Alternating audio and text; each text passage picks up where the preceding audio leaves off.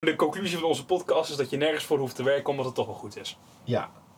En dat Nee. noemen we... Nee, dat zou veel te gereformeerd zijn. Nee, nee, Je nee. mag erom lachen, Erwin. Dit is onze podcast.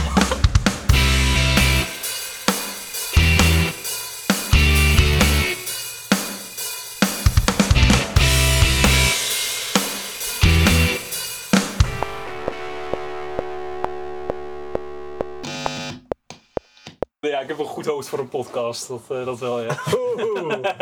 Ja, vertel even over je tijd eh, als radiomaker. Ja, oh, wauw. Gaan we daar, eh, daar gelijk naartoe. Nee, ja, ik eh, heb een tijdje terug heb ik, eh, veel radio, eh, eh, radioprogramma's gemaakt. Dat ben ik weer een beetje aan het oppakken, maar dat gaat niet heel, eh, niet heel hard. Maar eh, ja, dat was gewoon een beetje plaatjes draaien, actualiteiten bespreken en grappen op de zender maken die je vooral zelf heel grappig vond, zeg maar, Mhm. weet je wel. En eh, ja, dat is gewoon heel satisfying om te doen. En dan met name als je op een gegeven moment zeg maar, ook reacties terugkrijgt van mensen die daadwerkelijk luisteren. Zeg maar. En dan heb je ook het idee dat je het ergens voor doet, weet je wel?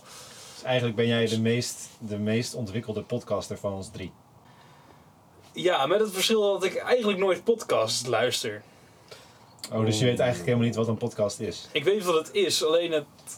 Ja. Het interesseert hem gewoon niet, wil je Nee, precies. Nee, nee, nee. Gewoon het, mijn attention span daarvoor is gewoon net, net even wat te, wat te kort of zo. Dus daarom is het beter om hem te maken dan om te luisteren. Absoluut. Ja. Ja. Is dat niet sowieso beter te maken dan te consumeren? We zijn eh, gemaakt om te maken. Ja. Applaus. Ja, nee, dat is een, eh, ja, een goede plug voor, eh, voor Ruben, inderdaad. De gemaakt om te maken is het account waarop Ruben al zijn eh, creatieve gedachten, spinsels en uitlaten Onaf. en ideeën onafgemaakte projectjes deelt. Eh, dus als je dit, de hele opzet van deze podcast nou interessant vindt en je dacht, nou, ik vond naar jullie voor een half uur luisteren nog niet genoeg. Ruben bombardeert je ook dagelijks met stories met half filosofische eh, ideeën. En De ene keer heel filosofisch. En zeg maar, dus, zeg maar, als je dat niet genoeg vindt, zijn er zeg maar, twee opties. Eén, ga naar de blog van Ruben. Twee, ga naar de dokter. ja, ja, ja, zeker waar. Een van de weinige diploma's die wel wat waard is. Ja, precies, precies. Waar Ja. het vorige keer over ging. Hey. Nee, maar leuk. Bedankt voor deze plug, jongens. Alsjeblieft. Ja, alsjeblieft. Even terug naar jouw radiotijd Ja. en de link naar een podcast. Eh, een podcast is eigenlijk een radioprogramma zonder muziek tussendoor, geen reclames en geen tijdslimiet. Dus dat is eigenlijk het. eh, nou ja, oké, een podcast is wel iets anders omdat je helemaal je eigen format hebt en helemaal zelf kan invullen hoe je het doet. Je hoeft ook niet per se rekening te houden met je luisteraars, maar als je dat wel doet, dan word je over het algemeen wel iets succesvoller. Over het algemeen zijn podcasters arm, hebben niet zoveel apparatuur als er in een radiostation staat. En het tempo is wat langzamer ook wel. Dat is je mag ook fijn. langzamer praten. Precies. Ja. Er zit niet meer zo'n sensatie achter van mensen zitten nu wacht dat drie kwartier in de auto naar mij te luisteren, dus moet ik zoveel mogelijk content in drie kwartier knallen. Maar bij een podcast is gewoon, je neemt die drie kwartier uitgebreid de tijd om gewoon nog in dit geval een gesprek te voeren over wat je interessant vindt, wat je bezighoudt. En eh, af en toe een leuke jingle van meneer Van Oosterbrug tussendoor. ja. Hey, tweede plug. Of om je vrienden af te zeiken. Dat kan natuurlijk ook gewoon. Ja, precies. Ja. Podcasts zijn eigenlijk in het leven geroepen om schaamteloos mensen en instituten en dingen af te kunnen zeiken. Eh, Onderbouwd af te kunnen zeiken. ja, Precies. Want daar neem je Ja. de tijd voor. eentje die je vaker zal horen, waar we vandaag ook al vooruit vol ehm, contact over hebben gehad, is eh, een, een niet nader te noemen band, waar we alle drie niet heel erg fan van zijn. En die geen Kensington heet.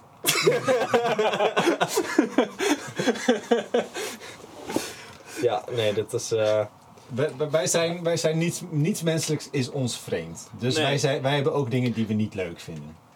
zoals Kensington. nee, het, het, nou ja, op zich kan ik dat heus wel even, heus wel even uitdiepen als dat eh, wordt, wordt gewaardeerd. Je hebt Maar het- twee minuten. Ja, Oké, nou te gek. Nee, het, ehm, het punt van waarom wij hier zitten is zeg maar omdat wij onszelf creatief willen, willen vernieuwen en juist die zoektocht willen, eh, willen bespreken. En het probleem van Kensington in mijn ogen is dat ze in principe al vijf, zes jaar hetzelfde doen.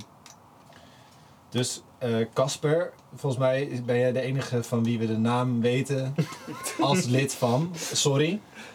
Maar als je daar wat over uit wil leggen, je bent van harte welkom op onze pod- podcast. Volgens mij woon je in Utrecht, dus allemaal niet zo ver weg. Daarom. Ja, welkom. We, eigenlijk willen we wel horen hoe, hoe dat dan werkt, want we begrijpen er gewoon helemaal niks van. zeg maar, hoe kun je vijf jaar lang hetzelfde maken en niet gefrustreerd worden van jezelf? Dat inderdaad. En als je het wel bent, dan is dit een veilige plek om daar gewoon even over te praten. Ja, want zoals je hoort, wij zijn ook niet positief op. Nee, nee, nee.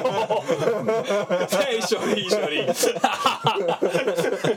Oei, oei, oei. Dat is één ding. Wij, zijn, wij, wij hebben sowieso met, met, met z'n drie bij elkaar lang niet zoveel geld verdiend als jij de afgelopen week waarschijnlijk. Dat sowieso, ja. Dat, eh, dat, dat geven we toe. En het is altijd heel makkelijk om vanaf de zijlijn te praten, maar toch. Kun je niet gewoon een keer iets leuks. Ja, die gaan we heel leuk, eh, heel trots eh, vertellen over wat we, wat we zelf doen. En is dat eigenlijk een beetje gênant. Laten we met de meest succesvolle beginnen dan. Aaron, wat, eh Jij wat wordt doe eens jij en betaald voor wat je doet. Ja, Ja, precies. zo. maar als jullie aflevering 0.01 geluisterd hebben, dan weten jullie dat ik fotograaf en videograaf ben. Ehm, dat is waar ik mijn geld mee verdien. Nou, dan wil je vooral weten, maar hoe doe je dat dan? Ja. Nou, dat probeer ik zelf ook nog uit te vogelen. Ehm, misschien is het handig om gewoon te vertellen hoe ik daar ooit in ben gerold. Want ik ben niet zo'n eh, succesverhaal van... Oh, als kind liep hij al met een camera rond. eh, en, en toen ging hij maar foto's maken. En, en dat, dat zagen we al zover aankomen. En toen, eh, ja, toen was het niet meer logisch dat hij de, de opleiding is gaan volgen. En, en blab. Zo is het niet gegaan. Ehm, hoe het bij mij ooit is begonnen is dat ik met Lego speelde. En dat vond ik eigenlijk wel best wel tof. Dat was toen mijn creatieve outlet. Toen ik een jaar of 12 was. Stiekem nog steeds. Nog steeds, nee, weer. Het is zeg maar teruggekomen. Want het is gewoon de bom. Ehm, maar toen bevond ik me dus online in eh, ja, een soort van communities waar, me- waar mensen dus dingen bouwden met Lego, daar foto's van namen, dat online deelden. En zo begon ik eigenlijk een camera te gebruiken, omdat nou, je moet toch een foto maken van je werk. En in die tijd hadden we nou nog niet echt iPhones met goede camera's, dus eh, moest je toch een nou, digitale camera kopen. Dus ik kocht ooit een Nikon Coolpix L120. Ik heb hem nog steeds. En daarmee begon ik foto's te maken. En toen heb ik die ooit eens ook een keertje meegenomen op vakantie. En toen zeiden mijn ouders, die wel een goede spiegelreflex kit hadden. Die zeiden van, nou ja, jij neemt nu al betere foto's dan wij met onze kit eh, doen. Met jij met jouw eh, digitale cameraatje. Dus daar lagen de roots. Toen heb ik eigenlijk een paar jaar niks mee gedaan. Totdat ik op een gegeven moment op een mooie, voor mij was het zondagavond, eh, maakte ik een waanzinnig mooie zonsondergang mee. En toen had ik het eh grandioos idee om even een lichtmast bij een tennisveld in te klimmen om daar een foto van te maken. En toen ik daar eenmaal in was gekomen, een foto had gemaakt en naar beneden kwam, toen bedacht ik opeens van, hé, hey, ik heb net een foto gemaakt met mijn iPhone, die had ik toen dus wel. En dat ziet er beter uit dan mijn camera die ik had, de Nikon van de net. En toen eh, had ik natuurlijk binnen twee weken een, een camera gekocht. En zo ben ik een beetje foto's gaan maken en met vrienden steeds vaker foto's gaan, gaan nemen met elkaar. En zo leer je. En dan kom je op een gegeven moment op een punt waarbij iemand aan je vraagt van... Hé, hey, maar kun je dat ook voor mij doen? Eh, en dan zeg je, ja, sure, waarom niet? En dan... eh, Vraag je 40 euro. nou, nee, het begon zelfs nog met gratis dingen. Dat ik gewoon voor studentenverenigingen, eh, zo'n, zo'n hoe noem je dat? Een board. Ik ben echt totaal niet geïnvesteerd in studentencultuur. bestuur- bestuur. Een bestuur. Eh, zo'n bestuur van zo'n studentenvereniging, die willen dan dat jij ze op, op de foto zet. Nou, dat doe je dan een paar keer en dan word je een keer gevraagd of je een borrel van je faculteit wil vastleggen. En dan krijg je daar een cadeaubon of twee voor. En dan krijg je opeens een DM van iemand die zegt van... Hé, hey, ik heb een kledingmerk. Voor mij eh, foto's maken? En eh, dat was mijn allereerste betaalde opdracht ooit. Dat eh stel gasten uit, ik weet niet waar in Nederland ze überhaupt vandaan kwamen. Helemaal naar Rotterdam kwamen. Dat we zeven uur lang hebben opgetrokken. Daar kreeg ik 300 euro voor. En toen dacht ik van, hé, hey, dat is best leuk. Ik heb net in een paar uur meer geld verdiend dan in een maand lang koffie zetten. En eh, zo is dat balletje gaan rollen. En eh, nu schiet ik video's. Ik heb een eh, serie lopen met Allianz, verzekeringsmaatschappij, waar ik video's voor produceer. Ik maak foto's voor verschillende restaurantjes en dergelijke. Ik kom met meerdere corporate cliënten samenwerken, want dat vind ik gewoon heel leuk. Dus daar lo- lopen nu wat eh, balletjes, of rollen wat balletjes, loopt wat. Maar ja, zo is het eigenlijk begonnen met ooit maar eens ja zeggen tegen iemand die jou vraagt, kun jij dit voor mij doen? En eh, nu, nou, zo'n twee jaar later, is het eh, eigenlijk waar ik al mijn inkomsten vandaan haal. Wat is in feite heel bijzonder is, omdat dat niet het voorbeeld is wat hij thuis heeft meegekregen van zijn oudere broers. Om even een, een, een klein beetje een beeld te schetsen, want dat is dan waar ik goed in denk te zijn. Ik ben de oudste thuis. Ik scheel 6,5 jaar met Aaron. Daartussen zit nog een ander broertje. Voor mij dan broertje, voor Aaron broer. Maar ik vind hem eigenlijk ook gewoon een broer. Theon. En Theon en ik hebben allebei de neiging, wanneer we iets willen kunnen, dat we eerst heel veel geld gaan investeren om iets te kopen. Om het dan te proberen en uiteindelijk niet lang genoeg consistent door te gaan om ook daadwerkelijk goed erin te worden. Zo kocht ik dus. En koop ik nog steeds heel veel gitaarspullen. Of krijg ik een analoge fotocamera waar ik niks mee doe. Of een officiële handgemaakte Stanley blokschaaf waar ik niks mee doe. Theon die kocht een piano, een hele dure, die vooral stond. Eh, hij DJ'de, hij had de beste apparatuur en gebruikte dat dan drie keer per jaar. Een racefiets waar hij één keer op En dat is het voorbeeld wat Aaron kreeg. En, eh, en Aaron die, eh, was, die was meer zo met sport. Dus eh, die heeft allerlei dingen gedaan die allemaal net helemaal niet bij hem pasten. Maar de dingen die hij wel vond van oké, dit past bij mij, daar ging hij dan all in. En dat is, vind ik bijzonder, want Aaron die maakt nog steeds foto's. En hij doet nog steeds aan freerunning. Ja. En hij zet nog steeds koffie, terwijl ik er weer mee gestopt ben. Nou ja, ik werk niet in een koffiezaak meer. Eh, ik doe het vooral voor de, gewoon voor de lol thuis. Precies. Oké, en dat doe ik eigenlijk ook. Dus er zijn een paar dingen waar ik ook heus niet in, in heb gefaald. Maar meer dan dingen waar ik het meest geld in heb geïnvesteerd, daar ben ik niet heel erg goed in geworden, nog. En dat is? Mijn gitaar, Gitaar? Nou ja, daar ben ik sufficient, maar niet sophisticated. Oké, oké. Ehm, Een blokschaaf. die heb ik gelukkig gekregen, maar ik had er wel wilde plannen bij. Oké, oké. Eh, gelukkig heb ik niet te veel geld in koffie geïnvesteerd. Want ik zet nu alleen nog veel te koffie met mijn Aeropress. Ja. Maar ja, ik, ik kocht vooral wel dingen en dan dacht ik, daar ga ik ooit wat mee doen en dat deed ik het niet. Ja. Dus bij mij zat het vooral in mijn hoofd. Ik had ook geen geld, Theon die had geld. Dus die kocht dan dingen en deed er niks mee. En jij Als, zit er een beetje tussen. Nou ja, ik denk- Ga door.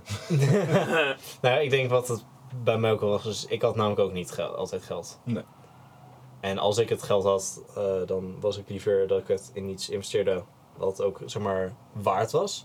Dus als ik, eh, ik kocht zeg maar nooit kleine dingetjes om het maar te hebben, maar eigenlijk puur eh, alleen als ik weet van dit gaat me echt iets opleveren. Bijvoorbeeld die eerste camera die ik kocht, of nou eigenlijk mijn tweede, maar die, de camera waarmee ik ben begonnen met recent dus fotowerk doen, Sony A6000, kostte volgens mij 520 euro. Eh, mijn moeder zei van tevoren, moet je dat nou wel doen? Want je gaat zo studeren en dan heb je ook geld nodig. Ja, ja, ja, kan wel, kan wel, komt goed. Eh, nou ja, die heeft zich in dat opzicht dubbel eh en dwars terugverdiend. Ehm, omdat ik op dat moment dus investeerde in hetgene wat ik kon betalen, niet wat ik per se wilde hebben. Ehm, en daar ook gewoon echt van gebruik ben gaan maken. En dat is denk ik een, een valkuil waar heel veel mensen te maken mee hebben, is ze raken geïnspireerd door iets. Dan denken ze, dat ga ik ook doen. En dan kopen ze, of eh, willen ze graag het beste van het beste hebben. En dan eh, zie je dus vragen voorbij komen van, ja, en wat moet ik hiermee? En, en raden jullie dit aan? En wat denken jullie hiervan? En aan het eind van de dag doen ze er niks mee. Of investeren ze heel veel geld, maar niet de tijd om, eh, nou, om daar die mastery over te ontwikkelen. Dat ze daar dus ook echt gewoon vaardig in worden. Hmm. En daar loopt heel veel op stuk, denk ik. Ja. Uh, en dat zie ik ook in de fotowereld heel veel. Dat uh, juist in een wereld waarin je continu gebombardeerd wordt met mensen die het wel uh, allemaal succesvol iets zijn begonnen en doorontwikkeld zijn. Mensen die dan opeens bekende YouTubers worden of die dan een Instagram account hebben wat explodeert. En um, wiens werk dan opeens heel veel gedeeld wordt. Die worden dan heel snel aangesproken met... Oh, maar dat wil ik dan ook. Dus dan ga ik precies doen wat jij doet. En dan ga ik ook die camera willen kopen. Of minstens die, die zeg maar, de, de kwaliteit van dat materiaal wil ik dan ook hebben. Want dan kan ik dat ook bereiken. En dan niet inzien dat degene die dat heeft bereikt, die dan nou ja, opeens dat aanzien heeft of wiens werk dan zo gedeeld wordt, dat die daar ook gewoon jaren aan tijd in hebben zitten waarschijnlijk. Of op zijn minst veel tijd in hebben gestoken om daar Goed uh, in te worden. goed Ja. in te worden inderdaad. En dan maakt dus inderdaad die hele gear die maakt niks uit. Dan kun je duizenden euro's investeren. Als, al geef je nu iemand die ooit één film heeft gekeken, geef vervolgens een Ari Alexa, dat is zeg maar waar bijvoorbeeld Game of Thrones op wordt gefilmd, wat een fantastisch ding is. Geef dat aan die persoon en dan kan je garanderen dat wat zij gaan schieten echt, echt kut gaat zijn. Want ze weten niet hoe ze met zo'n iemand omgaan. Nee, Ik zou niet eens weten hoe ik daarmee moet omgaan, maar... nee, maar dat is ook een beetje.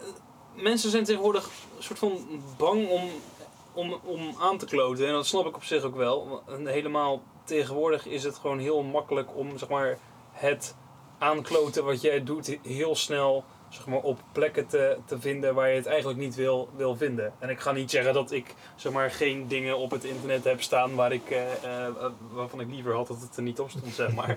maar die, die grens wordt veel sneller overgestoken eh, tegenwoordig. Gewoon omdat er veel meer mogelijkheden zijn eh, op het gebied van social media dan er was toen ik in ieder geval begon met, eh, met gitaarspelen. Ehm, dus ik heb ook gewoon de mogelijkheid gehad om heel veel aan te kloten. Alle fouten te maken die je zeg maar wel een keer maakt en een keer tegenkomt eh, op weg naar, een, na- naar een, een goede manier van spelen en een goede sound en weet ik het wat. Ik heb ook op een punt gedacht dat een, eh, een digitaal effectpedaal van, eh, van Bos, dat dat echt helemaal het einde was. En nou ja, weet je, daar kom je op een gegeven moment ook op terug. Nee, maar dat zijn gewoon fouten die je, die je maakt onderweg. En eh, de, zeg maar, wat zeg maar, de, de, de gevaarlijkere fout is, is dat je dat zeg maar, wil omzeilen en shortcuts wil maken naar iets wat, wat perfect is. En de consequentie daarvan is dat wanneer je dan daadwerkelijk wat maakt, het je zo tegenvalt dat je dus maar gewoon stopt. Ja. En dat je dan misschien zelfs de schuld geeft aan je spullen. Want dan ga je denken, ja, ik had toch iets beters moeten halen. Ja, of dat, of je hebt het, ehm, het geluk dat het zeg maar, de eerste keer wel goed gaat en daarna is dat ook zeg maar, een beetje het niveau waar je op blijft hangen. Omdat je denkt, dit werkt, dus dit ga, dit ga ik doen. Ja, Dat is een beetje als Kensington. Ik wilde er wel niet maken. Inderdaad. Nee, maar ik, ik herken dat heel erg. En niet om mezelf elke keer te bashen, want ik weet dat, dat er heel veel dingen zijn waar ik wel gewoon ook goed in ben. Alleen dat zijn juist de creatieve dingen, de dingen waar ik mensen in bewonder. Daarin eh, laat ik nog niet heel veel van mezelf zien. Ik probeer wel van alles en nog wat, maar er is niks waarvan ik denk van oké, dit is nu iets waar ik me mee wil gaan profileren. Omdat ik gewoon nog niet de uren erin heb zitten om daar echt iets van te laten zien. Nee, Los van de, de, de twee EP's waar ik op heb meegespeeld, waar ik heel trots op ben. Maar het zit hem niet per se in de kwaliteit van mijn gitaarspel, maar meer in het samenspel tussen verschillende muzikanten. Wat weer een ander onderwerp is, waar we ook later op terug gaan komen. Absoluut. Maar wat ik merk is, ik had bijvoorbeeld heel erg de behoefte om deze podcast te starten. Maar zelfs vandaag, omdat we vandaag maar één in plaats van twee microfoons hadden, zat ik dan toch in mijn hoofd met die gedachte van ja, eigenlijk kunnen we het nu niet goed doen. Want we hebben niet de juiste middelen om dat stukje kwaliteit neer te zetten wat ik graag wil neerzetten. Terwijl het natuurlijk bullshit is, want het gaat in principe gewoon om de inhoud. En wanneer we daarin beter worden en uiteindelijk de apparatuur hebben of, of, of, of wat voor technische mogelijkheden dan ook om dat beter te faciliteren, dan heb je er wat aan. Maar je hebt niet al die technische shit nodig om iets inhoudelijk goed, goeds neer te zetten. Dus daarom willen wij gewoon lekker gaan oefenen met deze podcast. Omdat het iets is wat we leuk vinden. En we vinden het gewoon tof om toch met elkaar te praten. En dit is een mooi excuus om bij elkaar te komen. Ehm, maar het heeft, het had, dit had er nooit van gekomen als ik had gewacht. Of wij allemaal hadden gewacht tot we de juiste spullen hadden. En, want we hebben het ook over gehad. We willen nog een Zoom recorder en weet ik veel wat. maar dat zou niet moeten betekenen dat we moeten wachten totdat we iets kunnen maken totdat we die spullen hebben. Wat mij gewoon fascineert is hoe weinig ik uiteindelijk heb gedaan van wat ik wilde doen. Puur omdat ik dacht daar niet de juiste middelen voor te hebben. Terwijl ik als ik diezelfde tijd had geïnvesteerd in gewoon één van die dingen pakken en daarmee te blijven oefenen, wie weet wat daaruit had kunnen komen. Nou, ik ben niet rouw, rouwig over, de, over het verleden. En ik heb nog een heel erg leven voor me. En ik heb gewoon zin om nu allemaal dingen te gaan proberen. En ik heb in elk geval ontdekt dat het mij helpt als er mensen om me heen zijn die in de kiem kunnen smoren als ik met zo'n rare gedachtenkronkel begin van ik heb dit en dit en dit en dit en dit nodig. Maar dan zeg je, ja maar begin gewoon. Of zo en zo kan je dat doen. Hmm. Dat helpt mij. Überhaupt aan andere mensen vertellen dat ik iets wil doen alleen, dat heeft mij niet nog heel veel geholpen. Maar dat is een eerste stap. Maar daadwerkelijk mensen om je heen hebben die goed zijn in datgene waar je ook goed in wil zijn. Dat is wat mij op dit moment helpt om beter te worden. Ja, maar sowieso even over het punt van eh, spullen nodig denken te hebben om ergens goed in te zijn. Mijn eerste eh, muzikale projecten die ik heb opgenomen, en dan zeg ik niet bij dat dat goed is, want dat was het niet. Maar de eerste muzikale projecten die ik heb opgenomen, dat heb ik gedaan op geleende gitaren. Slim. Ik had van de week, had ik een, eh, of vorige week had ik een videoshoot. De gear die ik daarvoor nodig heb gehad, heb ik gehuurd. Ja. Het gaat uiteindelijk niet om dat jij zelf per se de spullen hebt. Maar dat je vooral weet hoe je ze moet gebruiken. En waar je ze kan halen als je ze zelf niet hebt. Dat is altijd handig. En wie je om advies kan vragen als je er anders nog niet uitkomt. Precies. Maar uiteindelijk waar het vooral op neerkomt is dat je gewoon iets moet doen. Iets moet maken. Want daar leer je van. Iets wat jij bijvoorbeeld zegt is dat je, wat je net zei, dat je er een soort van last van had dat je in bepaalde dingen niet tijd hebt geïnvesteerd. En dus daar misschien dat niet eh, goed in bent. Of, eh, als, of zo goed als je had kunnen zijn. Maar tegelijkertijd zie ik bijvoorbeeld wel eens dat jij nu in je werk doe je niks anders dan schrijven. Nou, als er iets is waar jij veel tijd in hebt besteed in jouw universiteitscarrière, dan is het wel schrijven. Eh, als ik kijk naar hoe lang die scripties hebben geduurd en Mm. dergelijke. En nou, ja, dat kun kun je soort opvatten van, oh, dat is wel echt, eh, echt naar dat het zo lang duurt. Maar aan de andere kant, je ziet wel dat jij hebt daar zoveel tijd in gestoken. Dat ik vind het wel interessant dat dat nu toch ook gewoon jouw werk geworden is. Ja. Want dat is niet hoe jij ooit bent begonnen met eh politicologie studeren van ik ga content schrijver worden. Nee. Maar wel die jaren die je daarin hebt geïnvesteerd. En he- heeft toch tot een skill geleid. Ja. Dat ik nu jou als second reader gebruik om Hmm. eh, mijn scriptie bij te houden. Ik vind dat ook interessant, omdat het niet iets is. Ik heb, ik heb heel bewust destijds ervoor gekozen om politicologie te gaan studeren en geen journalistiek, terwijl ik op dat moment journalist wilde worden. Ik wilde schrijven over iets vanuit de inhoud en niet schrijven om het schrijven. Hm. Nou, politicologie heb ik niet afgemaakt, maar toen ben ik theologie gaan studeren met mijn fascinatie voor mensen. Maar de uitingsvorm die daarbij paste, was toch nog steeds schrijven. En waar ik tegen, tijdens mijn studie tegenaan liep, is dat mijn eigen stijl van schrijven, ik heb letterlijk het commentaar gehad, je schrijft ontzettend lekker, alleen je vliegt heel veel uit de bocht. En daardoor is het niet wetenschappelijk verantwoord. Herkenbaar. Ja, same. En, en, en dat is, ik ben daarom heel blij dat ik daar nu klaar mee ben. Ik kan het trucje, ja, het is me gelukt om een bachelor en een masterscriptie te schrijven en papers en dat is allemaal er doorheen gekomen. Maar dat was niet wat ik wilde. En nu probeer ik juist uit te vogelen, maar wat heb ik dan wel te zeggen? Wie ben ik? En als ik dan terugkijk naar mijn studietijd, dan merk ik van oké, ik heb heel veel tijd gehad om überhaupt mezelf te leren kennen, mijn eigen gedachten op papier te zetten gewoon na te denken over dingen waar heel veel mensen misschien nooit de tijd voor nemen of krijgen om over na te denken.